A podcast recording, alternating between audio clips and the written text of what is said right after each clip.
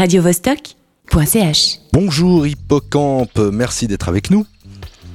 Ah, merci à vous. Eh, tu, seras, tu seras en concert samedi 3 décembre à l'usine à gaz à Nyon. C'est la première fois en Suisse? Non, non, je suis un habitué. euh, je viens pas si régulièrement parce que c'est euh, tous les six mois. euh, je suis venu plusieurs fois sur le, la tournée euh, du précédent album.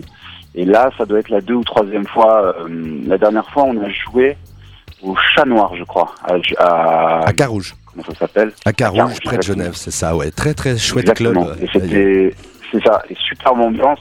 Euh, sur- beaucoup de gens connaissaient les paroles, euh, alors que comme je te dis, on, on, on- on vient, mais pas si, pas si souvent, donc euh, ça fait du bien de voir que les gens suivent et, et se, tiennent, euh, se tiennent informés, se tiennent prêts. Alors justement, parlons un peu littérature. Tu pratiques un hip-hop en français avec des textes très incisifs et décapants. Le choix du français avait été évident dès le départ Oui, bah de toute façon, euh, euh, je, je parle un peu espagnol, euh, je me débrouille pas trop mal en anglais, mais, pour moi, il faut, complètement maîtriser la langue qu'on a envie de faire sonner. Et je suis assez, assez difficile avec moi-même, donc dès que j'écris en, en anglais et, et euh, ou en espagnol, euh, j'ai tendance à me, à me flageller dès qu'il y a une, une faute de prononciation, etc. Et donc c'est vrai que le français, euh, j'ai toujours aimé l'exercice de diction. Donc c'est quelque chose qui, qui était assez évident et puis et puis euh, je trouve qu'il y, y a une contrainte aussi euh, qui, qui est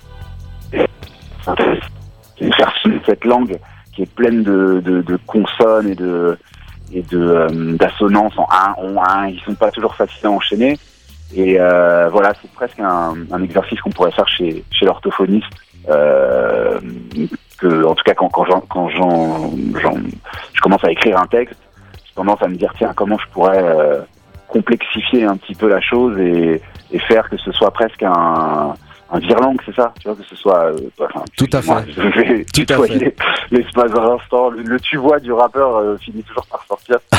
Mais euh, voilà, En écoutant, sans souci, euh, ou en tout cas... euh, oui, alors en écoutant attentivement, en écoutant attentivement tes textes et en visionnant tes différents clips, tu touches très juste sur des sujets d'actualité et le tout largement arrosé d'un sens de l'humour ébouriffant. D'où te viennent toutes ces idées loufoques? Ah, j'ai pas euh, spécialement de formule magique. En fait, j'ai tendance à, à faire des associations d'idées.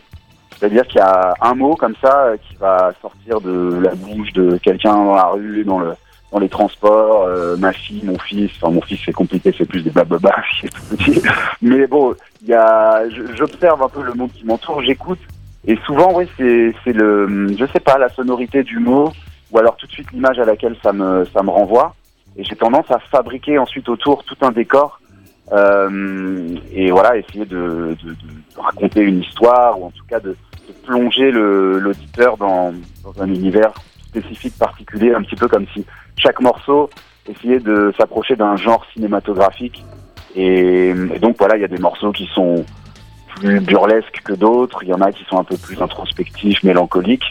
Et puis il y a des morceaux effectivement comme Chasse aux sorcières où où j'avais envie de parler un peu de religion et de, de toute cette espèce de paradoxe de la, de la violence finalement de, de, de l'Inquisition, avec en même temps le discours euh, de, paix et de rassemblement de, qui, qui a euh, voilà qui est véhiculé dans, dans différents textes sacrés.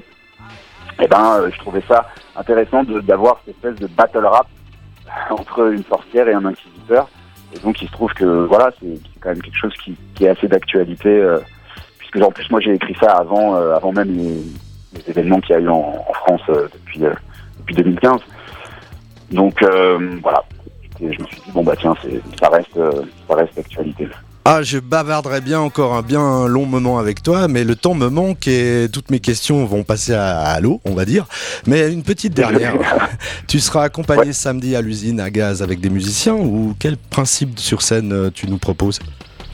Alors scéniquement en fait j'ai un j'ai un DJ qui n'est pas n'importe quel DJ puisqu'il est triple champion du monde. euh, Oh yeah.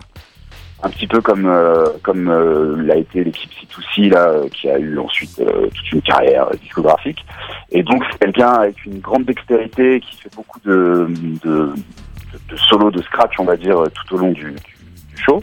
Et puis je suis accompagné d'un d'un acolyte, on appelle un backer en, en rap, qui s'appelle CO, qui est euh, qui m'accompagne depuis des années, ce qui fait que c'est bah, il y a deux fois plus d'énergie, deux fois plus de- d'interaction avec le public. Et l'idée, c'est de faire un show à la fois euh, chorégraphié avec un enchaînement de tableaux. Encore une fois, tout dépend de, de la salle qui nous accueille et tout, puisque ça arrive aussi qu'on joue dans des, salles plus petites où il n'y a pas énormément de matos, mais on s'adapte. Mais, l'idéal, en tout cas, c'est d'avoir un show euh, vraiment son et lumière avec le minimum d'interaction euh, et de et fantaisie requis pour pour s'amuser avec le public, quoi. Eh bien, c'est super. Merci, mon ami. À bientôt. Mais à très bientôt. Au revoir. Salut. radiovostok.ch